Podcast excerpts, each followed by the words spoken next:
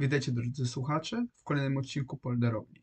Dla tych, którzy dopiero do nas dołączyli, ja nazywam się Patryk Kulpok, a to jest podcast o Holandii. Jak zapewne słyszycie, dzisiaj nie ma tutaj Krzysztofa. Jest to już drugi odcinek solowy bez mojego niezastąpionego współprowadzącego.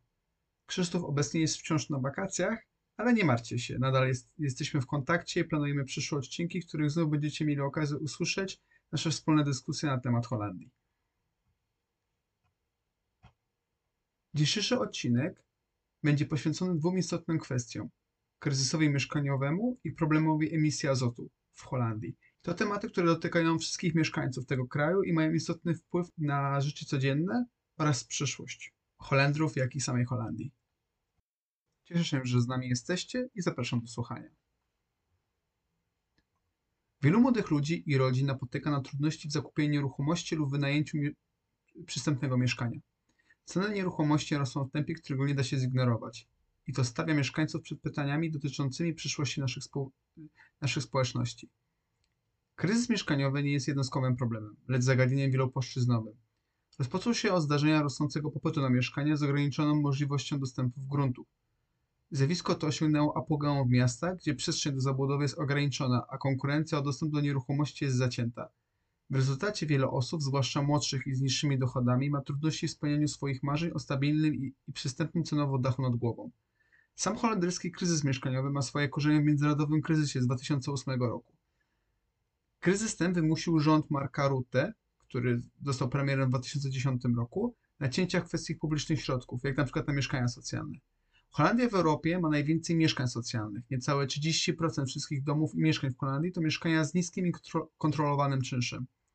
Dostęp do takich mieszkań jest związany z przychodem danego mieszkańca lub mieszkanki. Takich mieszkań dostęp ma każda osoba, jak i z holenderskim obywatelstwem, jak, jak i obcokrajowe z zalegalizowanym pobytem.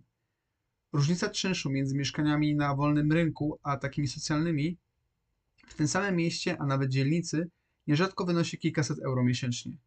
Aktualnie listy zapisu do takich mieszkań wymagają oczekiwania nawet od 7 do 10 lat ze względu na brak dostępności takich mieszkań. Wzrost populacji oraz napływ imigrantów to jeden z głównych czynników napędzających popyt na mieszkania. Wraz z urbanizacją i przekształceniem się obszarów wiejskich w miejskie, potrzeba przystępnych cenowo mieszkań staje się coraz pilniejsza. Dodatkowo zmiany demograficzne, takie jak zmniejszająca się liczba osób w gospodarstwach domowych, skutkująca zwiększonym zapotrzebowaniem na mniejsze mieszkania oraz alternatywne formy mieszkaniowe.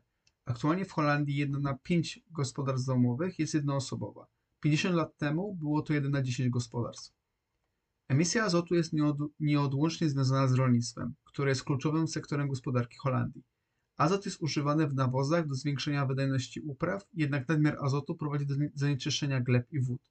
Holandia, będąc jednym z głównych producentów żywności w Europie, stawia czoła wyzwaniu ograniczenia emisji azotu w celu ochrony środowiska naturalnego i jakości życia mieszkańców. Holandia wprowadza regulacje dotyczące ilości stosowanego azotu w rolnictwie oraz inwestycje w technologie redukujące emisję zanieczyszczeń.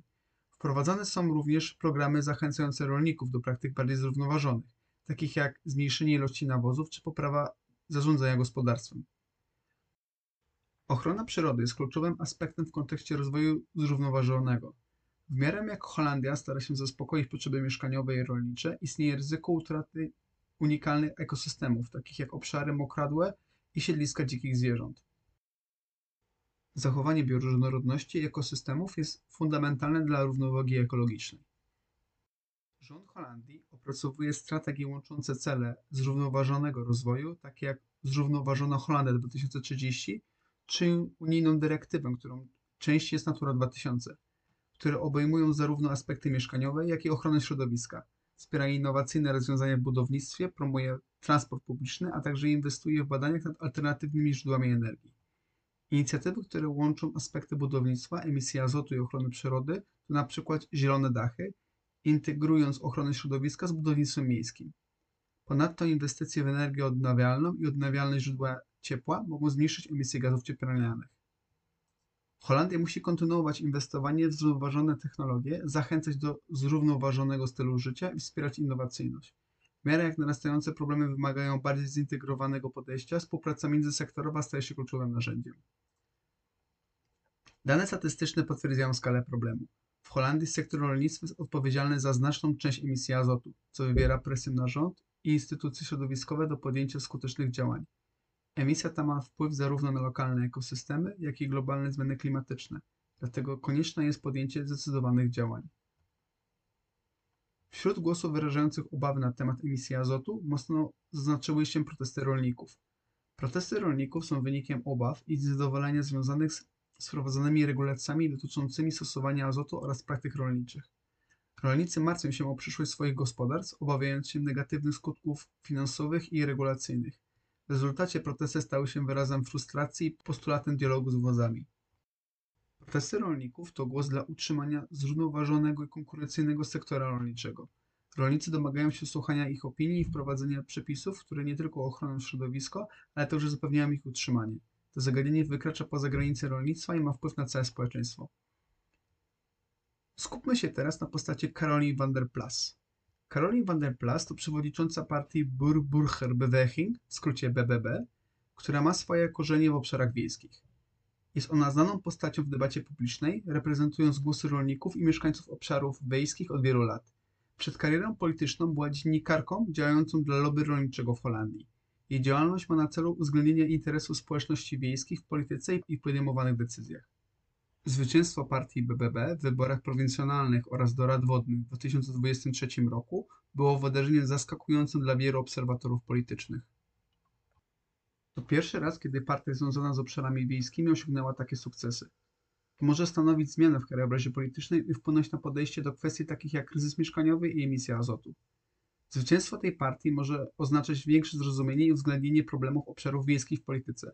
Partia ta ma na celu promowanie zrównoważonej produkcji rolnej, co może przyczynić się do ograniczenia emisji azotu. Ponadto partia może również angażować się w tworzenie inicjatyw mających na celu zwiększenie dostępności przystępnych cenowo mieszkań na obszarach wiejskich. Partia ma też swoje problemy. Dziennikarze wciąż nie mogą uzyskać kompletnego planu na reformę kraju od partii, na niecałe 4 miesiące przed wyborami do Tweede Kamer, drugiej izby parlamentu holenderskiego, które odbędą się w listopadzie 2023 roku. Liderka Caroline van der Plas nie jest też w moment zainteresowana objęciem funkcji premierki.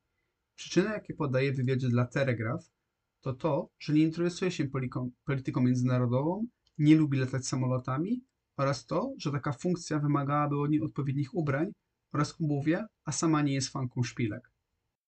Dodatkowo wstępne obliczenia emisji redukcji azotu e, przedstawione przez BBB są zbyt małe, aby doprowadzić do redukcji o połowę emisji tego gazu do 2030 roku.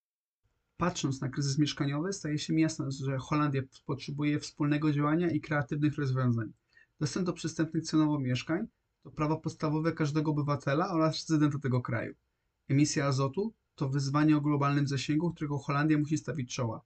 Przejście na zrównoważone praktyki rolnicze, inwestowanie w technologie ekologiczne i edukacje społeczne są kluczowe dla ograniczenia wpływu emisji azotu na środowisko i zdrowie ludzi. Rola partii BBB, zwłaszcza liderki Caroline van den Plas, ma potencjał wpłynięcia na kształtowanie polityki w obszarach wiejskich. Aktualne sondaże pokazują, że partia BBB znajduje się na podium partii z największym poparciem obok FFD i koalicji PWDA i GroenLinks. Dziękuję Państwu za wysłuchanie naszego dzisiejszego odcinka.